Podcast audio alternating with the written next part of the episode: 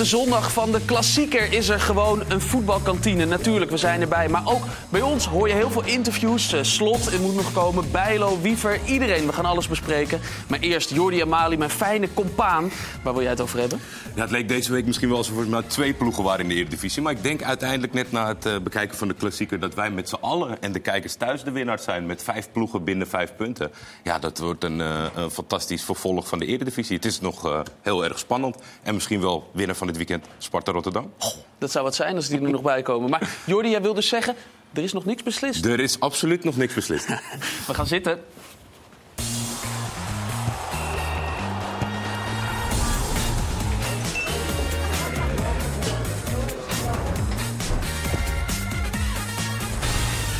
Goedemiddag, welkom in de voetbalkantine waar we goed gevuld zitten met een heleboel eh, leuke gasten. We gaan uiteraard de klassieker bespreken met onder andere Luigi Bruins. Zeven keer de klassieker gespeeld, hoe vaak gewonnen? Geen één keer volgens mij. Dat eh, geloof ik. Ja, sorry dat ik zo moest beginnen, Luigi. Maar dat weet ik. We gaan het zo gezellig maken. Komt goed. Kees Luijks is er ook. Onze eigen ja, voetbalkantineheld. Toch wel een, eh, Ja, toch wel een beetje. Ja, fijn dat je leuke bent. introductie. Zo is het. Christian wil heeft natuurlijk ook eh, een aantal klassiekers op zijn naam staan langs het veld. Eh, Geert ten Oude, welkom. Die heeft speciaal vandaag ook nog eens extra gekeken naar de eh scheidsrechtelijke leiding. Want jij bent tegenwoordig ook scheidsrechter, daarover straks meer. En ja, Kiki eh eh, Moussampa, jij hebt wel iets andere statistieken dan Luigi Bruins in de klassieker volgens mij. Minder wedstrijden, denk ik. Maar Ja. wel nooit verloren. Zelfs in de jeugd niet, hè? Zelfs in de jeugd niet. nee. Zelfs in de jeugd niet. Welkom, leuk dat je er bent. En natuurlijk eh, in en rondom de bar zit eh, altijd onze dataman. Eh, Max Toemen komt ook nog uitgebreid aan het woord zo. En we gaan dus, nou ja, onder andere spreken over die klassieker. De klassieker, de grootste wedstrijd die het Nederlandse voetbal eh, rijk is. De 132e wedstrijd in de Eredivisie.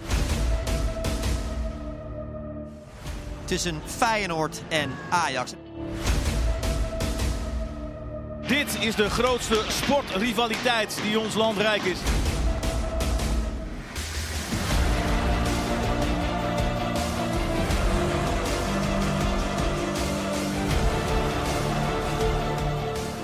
Die is aardig, die valt daar. Oh, goede redding van Rooney trouwens. Timmer die bijna een eigen doelpunt maakt. Het is een eh, scherpe voorzet, Kudus. Dit is de beste kans voor Ajax. Berghuis. Beetje laconiek buitenkantje links richting eh, Sanchez. Die is dus weg. Hartman glipt daar langs. Paisao voor het schot. Oh! Wat een heerlijke treffer van Paisao. En de Kuip schudt wederom op zijn grondvesten. Dit zijn meters. Dit zijn serieuze meters. Kudus. En Bijlo. Smoort die bal. Bal voor en daar staat een man helemaal vrij. En die bal gaat weer de paal en dan is het een eigen doelpunt. Via Wiever. Jiménez, de man die scoort als invaller. Maar niet in dit geval. En dan is de wedstrijd voorbij. Het blijft vijf punten in het voordeel van Feyenoord. Veel makkelijker ook. in- Dit was, hem. Dit was de klassieker. Hij wordt al geanalyseerd hier eh, op rechts. Luigi, eh, hoe heb je zitten kijken? Ja, met ons, met z'n allen. Maar eh, wat vond je ervan? Ehm, nou, geen hele goede wedstrijd. Maar ja, hij was wel spannend tot het eind. Je ging steeds iets meer naar voren zitten hè, op, Ja. op een gegeven moment. Maar dat komt ook omdat ik best slechte ogen heb. Dus, eh, Oh. ja, nou ja, dat is ook de voetbalkantine. Iedereen kan eerlijk zijn. Je Ja, kan ook een bril opzetten natuurlijk. ja, ja, Ja, Geert. Dat weet je nog niet aan. Nee, nog niet. Nog niet. Kiki, hoe heb jij zitten kijken? Ja, eh, een beetje teleurstellend. We hadden het net even over. Eh, het is toch de, de topwedstrijd van, van, van Nederland. Twee goede teams, maar het viel wel een beetje tegen, moet ik zeggen. Wat viel je tegen dan? Nou ja, eh, het voetbal zelf, van, van beide kanten. Eh, vooral van Ajax, want ja, het is toch Ajax. Het blijft Ajax. Hè, en dan verwacht je toch wel meer. Maar ik vond het eh, niet best. En ik denk dat ze wel blij mogen zijn met het puntje. ja. Het werd dus uiteindelijk eh, 1-1 en Arne Slot stond zojuist bij Hans Kraaij junior. Arnie, je stoot hier kop, hè? De laatste, laatste minuten met Jiménez. Ja, niet letterlijk, maar eh, ja, dat was natuurlijk ontzettend jammer. Geweldig, ehm, geweldig uitgespeeld, goede 1 tegen 1 actie van hem. Ja, en heel vaak heeft hij hem al voor ons gemaakt. En eh, dit keer pakt helaas de keeper hem. Dat was eh, in jouw ogen de beloning geweest van, eh, van een Feyenoord dat 60 minuten goed speelde? Ja, ik vind langer. Ehm, ik denk dat er maar eh, de eerste helft was denk ik heel agressief en goed. Vanuit ons perspectief gewoon heel fanatiek in druk zetten. Daar staan we ook bekend om. Verwachten de mensen van ons, hebben we ook volledig geleverd. Ik vond het eerste kwartier, 20 minuten na rust ook nog. Want daar hebben we drie, vier omschakelmomenten met het schot van Danilo, met het schot van Orkun Kutsu, met Szymanski. Alleen dan ons een fase van 10 minuten waar ze wel een paar keer ons middenveld oversteken. Waarin het lijkt alsof we vermoeid zijn. Maar dan zeg ik met nadruk lijkt. Want na de 1-1 waren we weer volop bezig om, uh, om de 2-1 te maken. Met corners en dreigende situaties voor hun goal. Blijft altijd natuurlijk nog over dat zij in de counter nog een keer eruit kunnen komen.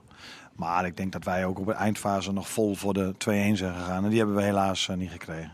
Vorige week uh, zei tegen mij na Groningen, die Pacquiao, die 1,53 meter is, die kan gewoon goed koppen. Dat had jij hem niet geleerd, zei erbij. Nee, dat heb ik hem zeker niet geleerd. Nee. Uh, die hamer die hij heeft, dat heb jij hem ook niet geleerd? Ook niet geleerd. Dat heb je hem wel geleerd? Nou, op, op, basis van individuele kwaliteiten spelers beter maken is nog niet zo eenvoudig. Het gaat er vooral om om ze beter te laten samenspelen. Daar ben je als trainer voor. Maar dit, dit, maar dit heb je ook allemaal al gezien, die, die, zo'n hamer. Nou, je moet zorgen dat hij in die situaties komt. En uh, daar kwam die omdat uh, Hartman ongelooflijk agressief doordekte. Geweldig om te zien, een speler die 5, 6 wedstrijden de Eredivisie heeft gespeeld. Dat hij zich in een klassieker zo, uh, zo presenteert.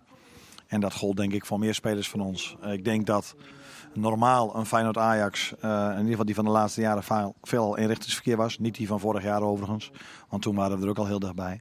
Maar vandaag hebben we ze constant op hun helft proberen vast te zetten. Ik zei net al op 10 minuten na. En toen viel de 1-1. En die was op dat moment, in die 10 minuten, zag je die wel een beetje aankomen. Um, ik vroeg je voor de wedstrijd, Kudus speelt in de spits, die speelt een beetje hangend. Hoe ga je dat oplossen? Uh, met, af en toe met de middenvelder, af en toe met doordekken. Jezus, Arne, die Geertruida.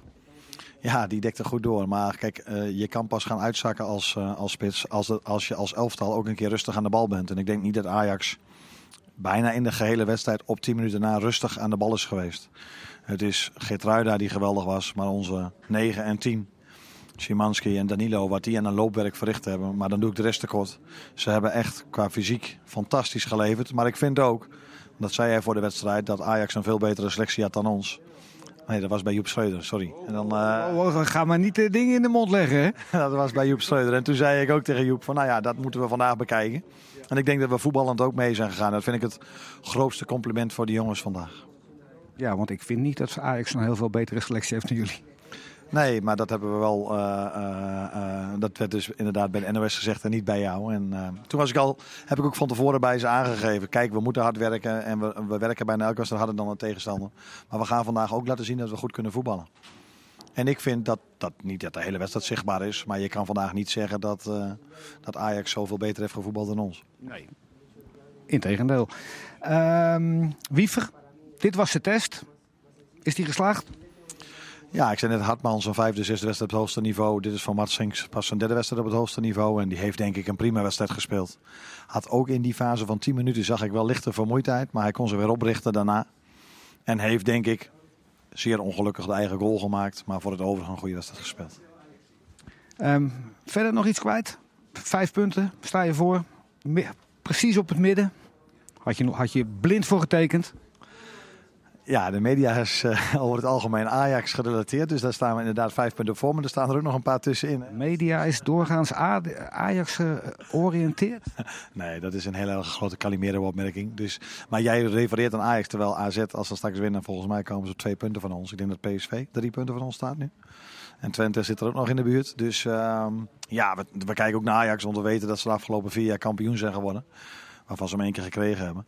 Uh, dus dat is het, absoluut een hele grote concurrent uh, van ons. Maar er zitten nog andere clubs en teams in die, uh, die we ook zeker in de gaten moeten houden. Ja.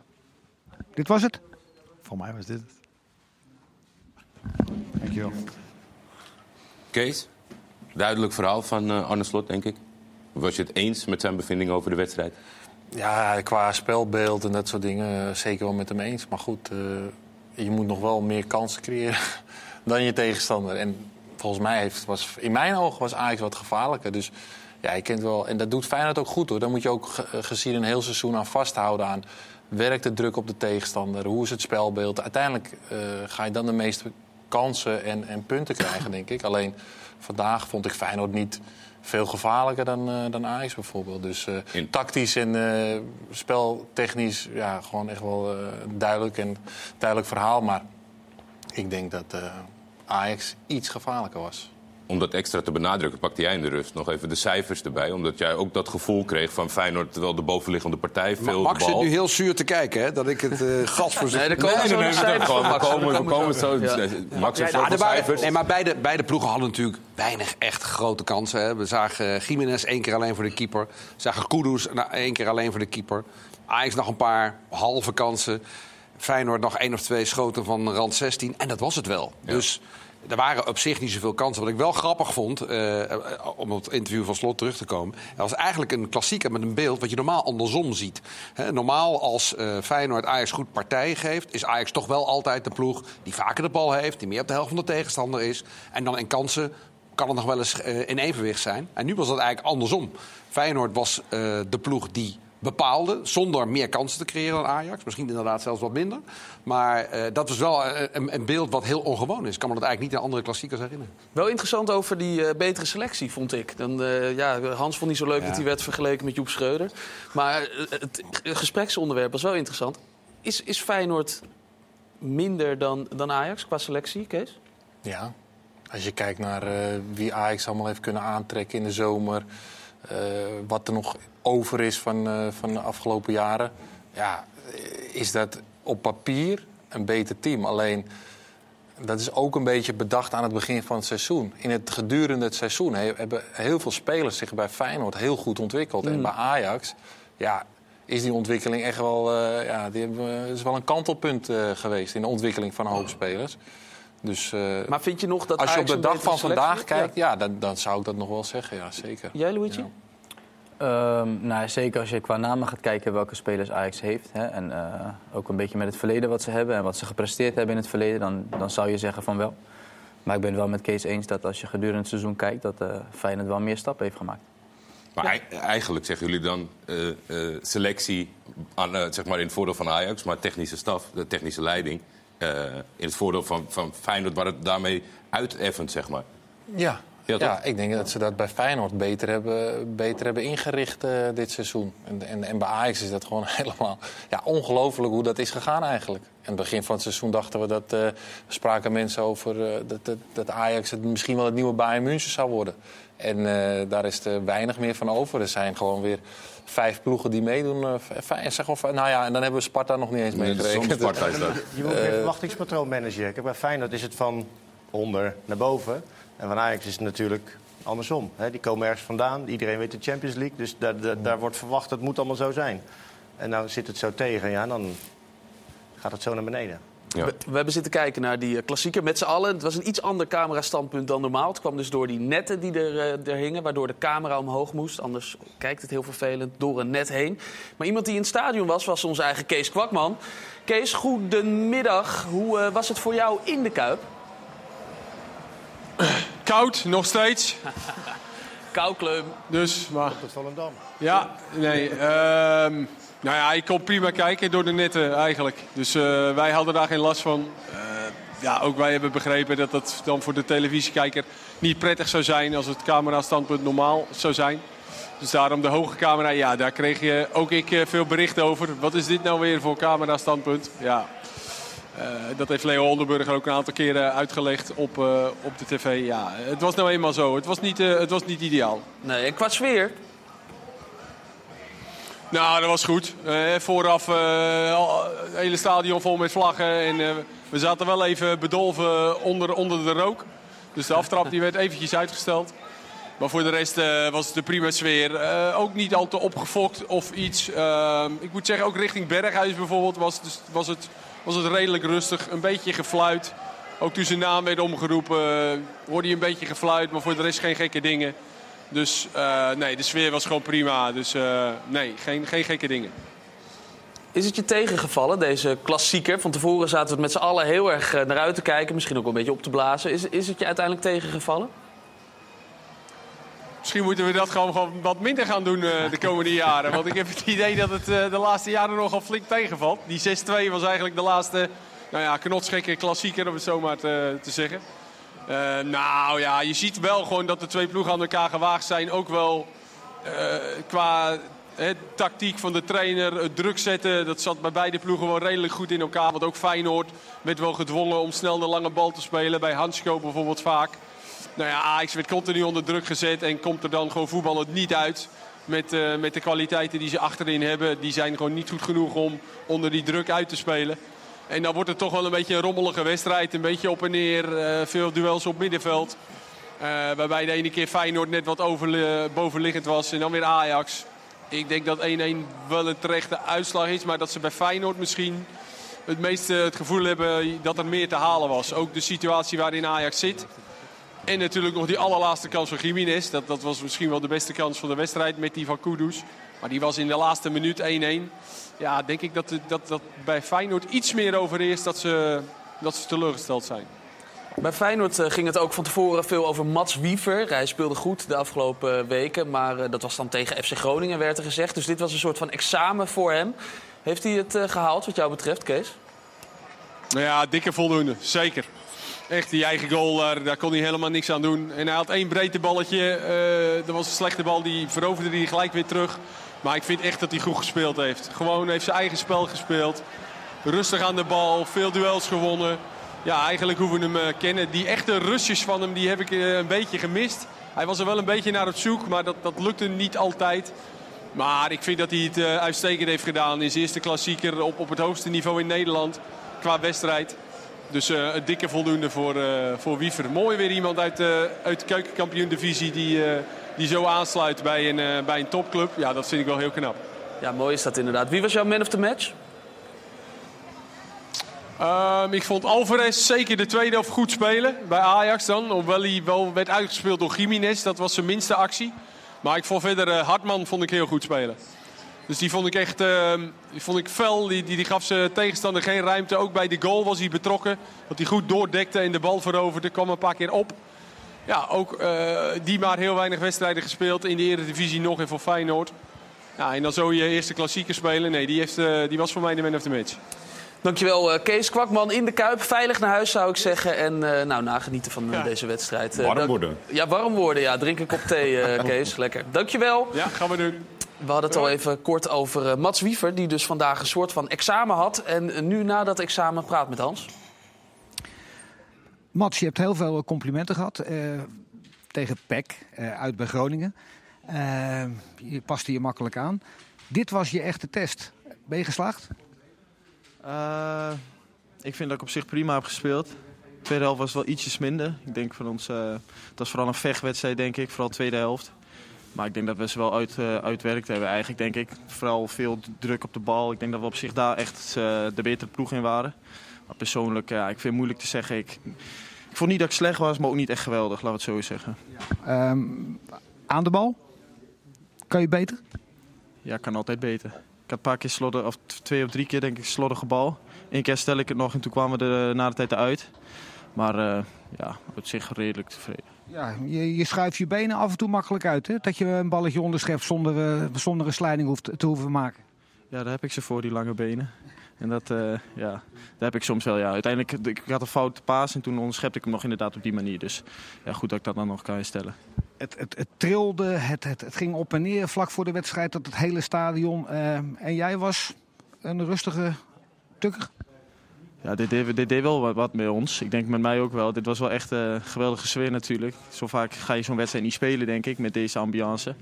En eh, ja, zelf ben ik altijd wel gewoon rustig. Maar eh, ja, dit deed ook wel wat met mij, ja. De 1-1.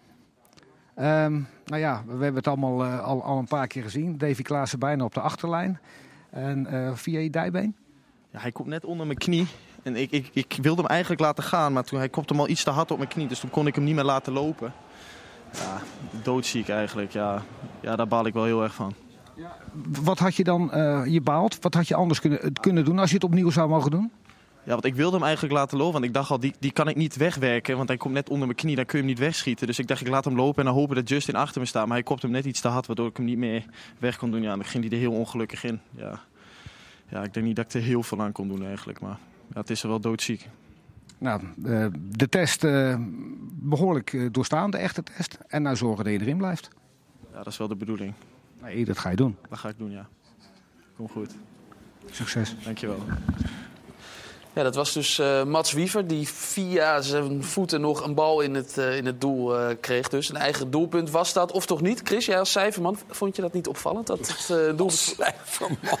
Ja. Had jij deze geclaimd, Geert? Ik weet niet of ik dat een eh, compliment mag Nee, noemen, ik Chris, geloof, voor ik het geloof werk het dat ook jij al niet. 10 Ja, jaar, 15 ja, jaar doet. Ja, maar in dit programma krijg je niet zoveel complimenten, kan ik je Nee, nee, vertellen. nee, nee. Ik, vond het, Maar ik, ik vond het officieel een eigen doelpunt. Ja. Ja. Maar je had bij geweest, eh, als het jou was overkomen, dat je hem op je naam had gekregen, neem ik aan. Of is, is dat dan toch anders? Voelt dat als, anders? Als spits wil je zoveel mogelijk streepjes eh, Ja, toch? wat dat betreft dat doelpunt hebben. Maar als je gewoon reëel bekijkt, is dit geen bal die op doel wordt gekopt door Klaassen. Dus dan is het officieel een eigen doelpunt. De bal is niet eens richting het doel. Nee, dus degene die dit verklaard heeft tot doelpunt van eh, Klaassen, die kan ik niet serieus nemen. Nee. Ja, soms, soms wordt het nog hersteld, eh, dagen later. Dat, Oh ja? dat er nog iemand even je naar moet gaat wel kijken. een beetje vrienden gaan maken hè, bij de KVB. En dan zit je weer... Maar die doet de KNVB toch niet? Nee? Opta doet dit volgens mij. Het eh, Opta officieel eh, Ja. gaan dat eh, Maar dan nog. Je moet wel jezelf blijven gewoon Kees. Wat je vindt. Ja, maar- Je kan het af en toe een beetje Dan kom je niet, dan maar... kom je niet op die ladder omhoog, joh. Nee, dat is niet zo belangrijk. volgens mij, volgens mij, bestaat, er, volgens mij bestaat er ook geen eh, ja, officiële goal in, in feite. Hè? Want ja, een, een scheidsrechter schrijft op, dit is de uitslag, die hebben gescoord. Maar als uiteindelijk Opta vindt dat een ander gescoord heeft... dan wordt dat door alle media, worden die cijfers gebruikt... Ja. en die worden gehandhaafd. Ja, er is nergens een wet die zegt, eh, de, de- die, die, die, die instantie gaat erover. Dat is eigenlijk wel grappig. Ik heb het idee wat hier gebeurt is dat... De bal van Klaassen is misschien wel, misschien niet op doel. Laten we dan maar het voordeel geven aan de aanvallende speler... en niet die verdedigende speler met een eigen goal eh, in de schoenen geschoven naar huis gaan. Ja. Ja, maar het is toch ineens niet misschien. Hij staat op de achterlijn en hij staat voorbij de paal. Hoe kan je dat op doel Maar was met effect, eh, Geert. Ja, dat kan. Maar dan, Nee, zag dat, dat, dat Ja. kwam dan nog. Er zag draaiing aan de bal, eh, Geert. Ja, ja. Nee, Mats Wiever had het over de, de sfeer. Hè. Hij vond het toch wel indrukwekkend. Ehm, er zitten een aantal klassieker eh, voetballers hier, eh, hier aan tafel. Luigi, hoe, hoe is dat, zo'n klassieker? Omschrijf dat eens. Nou, ze zijn een beetje verschillend, moet ik zeggen. Ik bedoel, eh, als je ze speelt in de Kuip, dan eh, ja, voel je net wat meer die elektriciteit aan het stadion heen. Dat je denkt van, hé, het gaat echt gebeuren. Maar als je richting de arena rijdt, dan, ja, dan- dan is dat gevoel anders. Maar het is meer van zeg maar, het publiek wat dat ervan maakt. Ja. Ik weet nog wel dat wij in de spelers om zaten en dan kon je zo precies kijken naar die slagboom. En dan ging die bus, die kwam er doorheen. Ja, dan denk je wel van, in die bus had ik niet willen zitten. Ja. En als je dan die tunnel eruit komt, weet je, dan voel je wel echt van, nu gaat het gebeuren. Het was er bij arena net iets anders. Maar dat, was dat dan nog een bus met, met groot Ajax erop? Ja, of ja, ja, zeker. eh, Dan wisten ze... eh, Reisbureau. ik denk van de snelweg wisten ze al dat hij eraan kwam. Ja. En volgens mij probeerden ze de afgelopen jaren dat wel een beetje te vermijden. Hij wel eens een keer via de achterkant binnenkwam. Nou, deze keer met een anonieme bus. Dus, eh, Maar wat deed het dan met je? Want je ziet die bus komen, je ziet een, een slagboom en je ziet allemaal mensen eromheen. En dan denk je van... eh, ja, wij zaten gewoon rustig een beetje tv te kijken en nog, eh, ja, misschien nog wat te eten of wat dan ook. En eh, ja, dat geeft je wel energie. En dan weet je wel van dit is de wedstrijd waar het om gaat. Zeker voor mij ook als Rotterdamse jongen. En eh, nou ja, ik moet zeggen, ik heb er een aantal gespeeld. We hebben het net gehoord, nog nooit, ja, nog nooit eentje gewonnen. Vaak als wij goed speelden, dan, dan werd het gelijk. En als wij wat minder speelden en Ajax speelde goed, dan werd het een best aardige uitslag. Kon het ook wel eens bedrukkend werken? Ja, als, Eh. als Rotterdamse jongen in Rotterdam, in de Kuip spelen. Je weet ook hoe het was, Ja. is vergaan bij jongens die bij Feyenoord spelen. Ja. Die, eh, Toch ook de aanloop van dit duel. Als, alle, alle kranten gingen erover de favoriete rol van Feyenoord. En Ja. als je gewoon kijkt naar, de, naar het spelbeeld de afgelopen weken van beide ploegen... dan had je misschien een andere uitkomst verwacht. Dus Zeker, maar misschien goed. dat dat ook toch...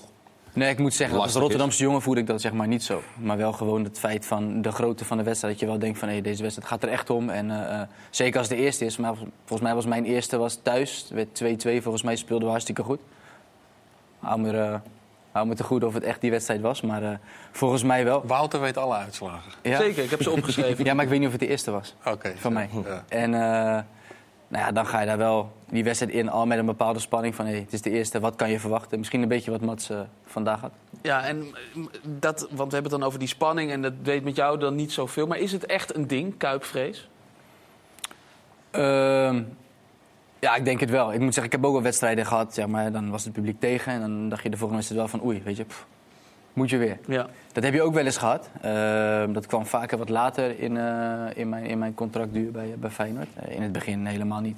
Dan zie je een soort roze wolk en dan gaat alles goed. En dan ga je omhoog en op een gegeven moment ga je een beetje nadenken over dingen. Dan, eh, en dan wordt het soms wel eens wat lastiger. Niet altijd, maar eh, soms ga je eens nadenken. Er zijn altijd twee typen spelers, Kiki. Die, die eh, extreem goed gedijen bij dit soort omstandigheden. Of Ja. die zoiets hebben van, nou, eh, doe mij maar de, de reguliere potjes, zeg maar. In welke categorie viel jij? Nou ja, ik, ik, was, eh, ik had er geen last van, moet ik eerlijk zeggen. Want ik debuteerde in de klassieker. Ja. Dus ehm, in Olympisch Stadion was dat. En ja, was ik, eh, ik weet niet, 17, viel ik in. En eh, nou ja, het ging allemaal goed. In de jeugd, hè, wat je net zei, ook altijd tegen Feyenoord. Maar ja, had je altijd het gevoel van, nou, Feyenoord, weet je, dat pakken we wel. En dat was altijd ook het geval. Ja, zonder, zonder arrogantie, maar... Nou ja, het is dat- beeld verandert natuurlijk niet als je maar nooit dat- verliest. s- Ja. Precies, en dat ging echt vanaf de eh, onder 14 eh, tot aan het eerste toe. En zelfs nog grapjes maken toen in de tijd met, eh, met George, was ik goed bevriend mee, Boateng. Speelde die bij het tweede en moesten op een dinsdagavond tegen elkaar. En het was toch van, jongen, je weet al dat je gaat verliezen, dus ga nou niet raar doen. En, en dan gebeurde het ook gewoon. En ja, nooit echt het gevoel gehad tegen Feyenoord van, oef. En Maar je hebt ook wel goede generaties gezeten. hè? Jouw generatie was heel goed, Dat toch? is, dat is het verschil. Eh goede jongens met Kluivert, Wouter. We hadden altijd goede elftallen. En iedere, genera iedere categorie werden we kampioen. En ja, dus dat is toch anders. Maar in die tijd had je nog wel dat het uitpubliek ook mee was. Ja. Ja. Weet je? Dus dan vind ik dat je toen echt een hele complete wedstrijd had. Qua sfeer. Want je had, je had Er was ook iemand voor jullie aanwezig ja, in het stadion. precies. En Je had natuurlijk, heel weet je, eh, de Feyenoorders die hè, heel elektrisch zijn en erg aanwezig. En had je toch je kleine hoekje. En wanneer je scoorde, ja, dat, dat bracht nog meer sfeer in, in zo'n stadion. En ik moet zeggen, die klassieker is wat dat betreft... miste dat element wel een beetje van publiek van de tegenpartij. En ja, dat, dat is wel jammer. Voor de Nog, nog even over die bus hoor, want ik ben toch heel benieuwd. De bus. Ja, hoe was dat voor jou dan om aan te komen rijden Goh, door die slagboom? nou, ik, heb, ik heb meegemaakt, de bus, dat we op een gegeven moment Feyenoord uit hadden. En eh, nou ja, hadden we dus natuurlijk politie-escort. Die hadden dan een andere weg bedacht om eh, bij het stadion aan te komen. Moesten we via een woonwijk. Nou, alles ging prima. Ja, alles ging prima totdat we bijna bij het stadion kwamen. Nou, er wa- was al drukte, veel, veel publiek natuurlijk. Nou, dan begonnen ze allemaal met dingen te gooien en, en te doen. Maar in die woonwijk had je allemaal drempels. Dus die bus die kon ook geen snelheid maken. En op een gegeven moment komt er gewoon een, een, staaf door het raam heen. En, en alle ramen aan het diggelen, iedereen naar de grond. En ja, de schrik zat er goed in. Ik weet nog, het, ko- het kwam vlakbij eh Menno Willems. Die staat nog naast David Ent. En op een gegeven moment moest iedereen echt naar de grond. Van, je weet niet wat er nog gaat komen. Dus iedereen naar de grond. En echt, de schrik zat er prima in. Want dat verwachtte je niet. Nou, aangekomen, we gaan eruit en wedstrijd beginnen. Nou, heel snel 2-0 achter ook. En eh nou, de tweede helft, dan zie je van iedereen herpakt zichzelf weer. En we spelen weer ons spelletje en uiteindelijk winnen we met 4-2. Maar dat is wel wanneer je besefte van, eh, goh, dat het zo ver kan gaan, dat, dat verwacht je niet. Maar ja, toen ook met diezelfde leuk. bus waar al die ramen uit eh, waren weer terug? Of was Nee, er een andere bus? andere bus was gekomen. ja. Snel naar de reparateur eh, tijdens de 90 Ja, wedstrijden. ja, maar ja, dat, is wel, dat, is, dat is wel apart. Ja. Bizar, wat een verhaal, eh Kiki. Ja, van tevoren was er toch ook wat angst of het misschien vandaag ook zo zou gaan. En vooral dan richting Steven Berghuis. Het gebeurde gelukkig niet. En afloop zei hij dit tegen Hans. Ja, eh, Steven, de man van de week. eh, dat besef je zelf eh, inmiddels ook wel, hè? Of, of, of al, al langer. Ja, dat besefte ik wel, ja. De media heeft het lekker aangewakkerd. Hoe bedoel je dat? In allerlei berichtgeving. Ik heb hele verstandige mensen aan het woord gehoord. Eh, onze trainer, de trainer van Feyenoord. met verstandige woorden. Maar ik heb ook hele domme mensen aan het woord gehoord. Nou, vertel. En dan bedoel ik bijvoorbeeld een René van der Gijp. Begin ik met de domste eigenlijk. Eh, de dingen die hij zegt eh, in de uitzending. Eh, een algemeen dagblad. waar denk ik hele verstandige mensen werken. Ook mensen met, met kinderen, gezin. Die het verstandig vinden om een, een, een, foto van mij in een Ajax-shirt schreeuwend op de cover te doen. Zou dat helpen, denk je, richting alle mensen die die, die zien? Helemaal in Rotterdam. Dus deze week heeft eh, ja, wel impact gehad op mij, maar ook op mijn familie. En eh, ik denk dat media, en vooral zulke mensen met zo'n groot bereik, wel moeten nadenken voordat ze wat zeggen. En eh, ja, dat is het eigenlijk meer. Want als je vandaag ziet in het stadion, prima. Fluiten, oké. Een paar spreekkoren, oké. Maar, maar mensen worden zo opgehitst op dat, op dat media. En, en ja, dat heeft veel impact op mij en mijn familie. Ja. Dus ehm, je, het viel je eigenlijk mee wat er eh, vandaag hier was. eh, de aankomst, eh, de warming-up. Dat, dat vond je eigenlijk, allemaal binnen de perken. Ja, prima. Omdat ja, ze zijn ook teleurgesteld dat ik hier weg ben gegaan en dat ik die keuze heb gemaakt. En, en, en dat mag ook. Die rivaliteit is goed. Hoeveel mensen keken uit naar deze wedstrijd? Om dit te kijken. Ook met name door mijn stap die ik heb gezet. Eh, prachtig, affiche, rivaliteit, hoort erbij. Maar er komen zoveel domme mensen aan het woord die zoveel mensen ophitsen. En dan gaat het maar door, door, door, via Twitter, via Facebook. Ik heb zoveel dingen doorgestuurd gekregen. En niet alleen ik, maar ook mijn ouders, mijn oma, mijn enige oma die nog leeft.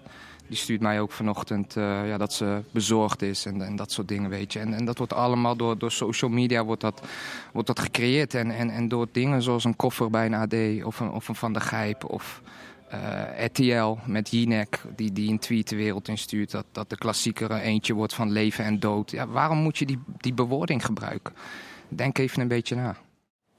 Poeh, ja, dit was wel een, eh, een interview van Berghuis... waarin hij een heleboel zegt. Ook nog wat eh, afrekent met een aantal mensen. Geert, hoe, luister jij naar? Ik denk heel goed. En ik denk dat ook voor heel veel mensen die, die hij ook noemt... en die hij ook bij media... want hij spreekt journalisten aan, hij spreekt mensen direct aan... eh, die zich dat misschien zelf ook eens kunnen indenken... wat dat persoonlijk voor iemand betekent allemaal. En daarom vind ik het heel goed dat hij gewoon zich zo uitspreekt... en ook gewoon man en paard noemt. En ja, laat diegene dan maar daarop reageren. En, en kijken of we daar misschien met z'n allen... want we, we, zijn met z'n allen ook media... eh, oké, wat kunnen we daar anders in doen? En uiteindelijk blijft het zo dat iedereen heeft een eigen verantwoordelijkheid. Ook, ook al zet je iets op Twitter als individu of hoe of wat... of gooi je met een staaf... Dat is allemaal, dat is allemaal werk voor eh, sociologen en antropologen en gedragswetenschappers. Maar dat is een hele andere discussie. Maar het is wel zo dat mensen echt wel mogen aan worden gesproken op hun gedrag. Ja. Ja, ja d- Chris, ik bedoel, eh, heb jij van tevoren ook nog zorgen gemaakt... van hoe, hoe zal dit aflopen? Eh, ja, ik maak me niet zo snel zorgen. Maar ehm, ik, Ja, ik heb wel. naar dit duel was wel Nou, iets, iets Nou, anders laat ik dan zo zeggen, anders, wat, zeg wat maar. mij gestoord heeft, en ik denk dat dat ook een beetje is wat eh, uit zijn woorden nu zelf naar voren komt, is dat heel, eh, er is enkel medium wat heeft gezegd van, nou, dan gaat het eens even een lekker heet middagje worden voor die Berghuis. Maar, Maar wel, wel- kijk eens wat hier geplaatst is op social media, kijk eens wat die zeggen, kijk eens. Je gaat als het ware een soort van indirect, ga je toch die foute berichten en noem maar op, die ga je om te scoren. Eh, toch onder de aandacht brengen. En je weet, als je dit soort dingen onder de aandacht brengt... dan ga je als medium ga je ook eh, ja, bijna promoten dat meer mensen dat gaan doen. Hè? Niet bewust misschien, maar zo werkt het gewoon. En je weet dat ook. En hij benoemt een aantal van die dingen. En hoe de invloed dat heeft op hem en op zijn familie. Ja, ik vind het hartstikke goed. Dat mo- dat sommige media mogen bij zichzelf wel even te raden gaan. Dan, ja. Ja, maar je mag je toch gewoon eh, als media, mag je, je moet je bewust zijn van je verantwoordelijkheid. En je hebt daarin verantwoordelijkheid als je bepaalde dingen gaat zeggen, wat voor impact dat heeft op, op andere mensen. En heel veel zijn gewoon, eh, ja, eh, veel mensen zijn aan het sensatie zoeken. Weet je? En, en, en dat komt hem, eh, ja, nou, ik wil niet zeggen vandaag duur te staan, maar dat kan hem, en dat heeft heel veel impact op zijn omgeving. En ik vind het echt een, ik vind dat zo knap van hem, dat hij na zo'n wedstrijd, weet je, na zo'n week, zo'n interview kan geven. Zo rustig het bewoorden en nog even man en paard durft te noemen. Want je hebt heel veel die zeggen dan, die, die, die gooien er iets in en dan denk je, ja, over wie heeft hij het nou? Hij zegt gewoon ook echt over wie hij het heeft. En ik denk voor heel veel mensen, ook voor mij. Ik ben ook tegenwoordig eh, media volgens mij. Zeker, Ga je toch even nadenken. ook. Invloedrijk, wou ik zeggen. Nee, maar je gaat toch even nadenken. Wat, wat, wat, ga je, wat kun je zeggen? En wat, wat- hoe komt dat over bij andere mensen? Want het is heel makkelijk om eh, alles te roepen. Maar ja, de verantwoordelijkheid, die ligt, eh, of de, de, de, de gevolgen liggen bij Berghuis. Mogelijk. Nou ja, en bij zijn familie. Dus ik vind hem knap van hem. Dus, Ja, hij doet stel- hij- hij doet stelt zich knap. mogelijk nog coulant op ook, zeg maar. Dat hij zegt van, nou, bij rivaliteit horen bepaalde dingen. Dat moet zelfs nog kunnen. Ja. Terwijl je daar al je vraagtekens kan stellen. En dat helemaal na een week als deze. Dat is inderdaad ontzettend knap, Ja, denk ik. ja hij, hij geeft heel duidelijk aan waar de grenzen liggen. En eh, dat het ook die rivaliteit mag, eh, mag en moet blijven. Heel veel mensen kijken uit naar deze wedstrijd. Ja. En zo is het natuurlijk ook. Alleen, ja, het is wel een beetje ver gegaan in de berichtgeving. naar deze wedstrijd toe. Het was Feyenoord Ajax vandaag. duurde 90 minuten en het werd 1-1. Tot zover mijn cijfers. Max, je hebt nog veel meer eh, data. Ja, ik heb inderdaad iets eh, andere cijfers. Ehm, er zijn eigenlijk nou ja, vier à vijf dingetjes die ik al even kort wil eh, aanstippen... die mij in ieder geval heel interessant leken. Punt 1, we hadden eigenlijk al gezegd, een beetje teleurstellend. Dat kon je ook heel goed zien dat het redelijk slordig was. Paasnauwkeurigheid bij Feyenoord die lag onwijs laag... vergeleken met wat ze normaal gesproken hebben. 68,1 procent. De, de laatste keer dat ze zo'n laag paasnauwkeurigheid eh, percentage hadden, was in eh, oktober 2017. Toevallig ook tegen Ajax. En Ajax had toevallig deze wedstrijd ook het hoogste of het laagste aantal eh paaszuiverheid onder trainer Alfred Schreuder. Dus dat, was, dat viel mij op. En verder rondom de goals zaten ook nog wel een aantal interessante verhalen. punt 1, die van Paisao, dat was al de veertiende van de 40 in totaal die van buiten de 16 kwam. Dat zijn er vijf meer dan de nummer 2. Toevallig ook Ajax. En eh, dat is... eh, 14 van de 40 is 35% van alle eh, goals die Feyenoord heeft gemaakt. Die kwamen van buiten de 16. Eh, er is één club die heeft dat meer en dat is Cambuur. Dat zijn er vier van de negen, maar daar komen we misschien zo nog op. Eh, was wel in één wedstrijd, hè? eh, Ja. Nee, want Sylvian Tegen van der Water scoorde Van tegen Water PSV, tegen PSV eh, ook nog, van ja. buiten de 16. Maar de drie eh, andere waren tegen Fortuna inderdaad. Dus dat maakt het nog merkwaardiger. Ehm, ja, en Davy Klaassen, dat was de dertigste eh opeenvolgende wedstrijd van Feyenoord dat ze een tegentreffer kregen tegen Ajax. Dat vond ik opvallend. En het was de 32e keer voor Klaassen dat hij Ajax... eh, in ieder geval het eerste doelpunt van Ajax maakte. Eh, het was de 70ste in totaal in het shirt van Ajax. En dat, nou ja, daarmee heeft hij in een rijtje komt hij dan van Klaas-Jan Huntelaar en Luis Suarez... die deze eeuw eh 70 goals of meer maakten. Huntelaar 121 en Suarez 81. Maar voor een middenvelder, wat mij betreft, heel erg veel. Met recht wel het stempel wat je wel eens hoort, Mr. 1-0. Mr. 1-0, of in ieder geval de openingstreffer van namens Ajax. Ja, dat allitereert weer met Mr. Openingstreffer eh, namens Ajax. Dat is toch minder, maar goed. Eh, Max, dankjewel. Mooie cijfers eh, inderdaad. Straks zijn we terug en dan eh, gaan we het hebben over de klassieker. We hebben al één ding nog niet besproken en dat is de scheidsrechter. En dat gaan we doen met een echte kenner. Scheidsrechter Geert ten Oude gaat het over Goes Boejoek hebben, want dat eh, is Geert zelf ook en een streng ook.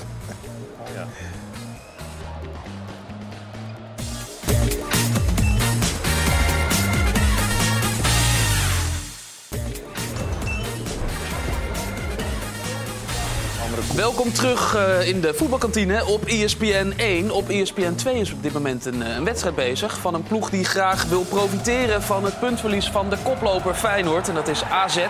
Nummer 2 van de competitie komt al snel op voorsprong. In de derde minuut Dani de Wit die hem inkopt en daar eh, blij mee is. En dan een penalty moment voor eh, Fortuna Sittard.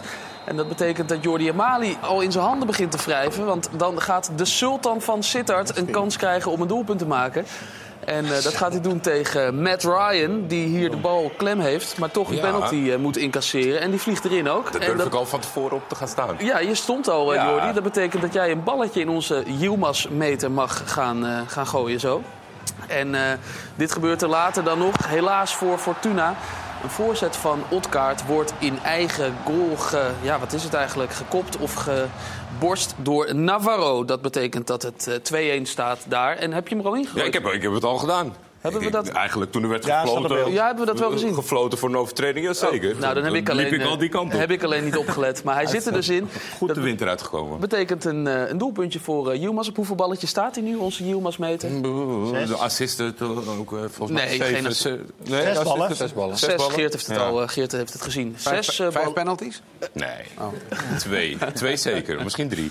Twee of drie penalties. Hopen dat hij nog wat eh, penalties krijgt. En dan eh, gaat eh, onze meter lopen.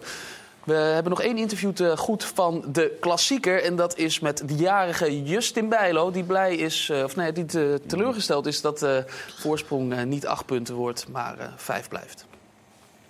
Ja, op acht punten zetten wilde natuurlijk iedereen. En eh, niet alleen Ajax, maar ook de rest eh, gewoon op afstand houden.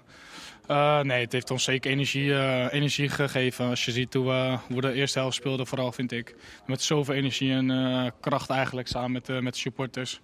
Ja, dat heeft ik wel op een positieve manier gesteund. Alleen ja, jammer dat we de supporters geen drie punten konden geven. Nee, de tweede helft kwam Ajax iets beter in spel. Ehm, vond jij dat dat kwam omdat ehm, eh, Ajax eh, zoveel beter ging spelen? Of omdat jullie best wel heel veel met kracht hadden gesmeed? Ik eh, denk een combinatie van beide natuurlijk. Ik denk dat hun wat makkelijker de vrije man konden vinden.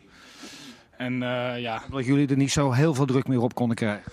Nou, we probeerden het wel, moet ik zeggen. Eh, alleen ja, eh, het is natuurlijk ook een, gewoon een ploeg met, eh, met kwaliteit die eh er onderuit kan voetballen. Maar ja, ik denk de eerste helft met zoveel energie. Eh, ja, de tweede helft eh, was het wat minder en dan zie je gewoon dat het wat gelijkwaardiger opgaat. Met Makai en uh, Bronkhorst. Kees, ben je erbij? Ja, sorry. Er Ja. Even oude herinneringen op. Ik hoor het, ja. Makai van Bronkhorst Sorry, kwam ja, nee, heel voorbij. Ja, ja, wij zaten te kijken naar eh, Justin Bijlo, die eh, dus... Hij is eh, zijn broer, die, dus van, die ooit nog bij Feyenoord heeft meegetraind. Dat zei hij. Dus vandaar. Mooi, heel goed. We gaan het hebben over de scheidsrechter. Uh, Guzebuyuk was dat, Serdar.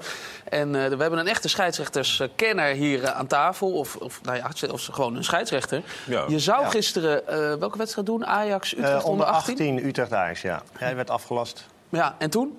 Door jou? Eh, eh, nee, dat, dat, Nee? dat in december wel een keer gedaan. Maar ehm, eh, toen heb ik me aangemeld. Dan kan je aanmelden in de, in de pool als, als wedstrijden uitvallen... of als collega's uitvallen. En toen heb ik een vierde klaswedstrijd gefloten. Doe ik met net zoveel plezier. Dan ga je dus van eh, Utrecht Ajax onder 18 naar Ja. een vierde klasse. Hoe is dat? Nou, hartstikke leuk. Zelfde beleving? Nee, andere beleving, andere manier van fluiten.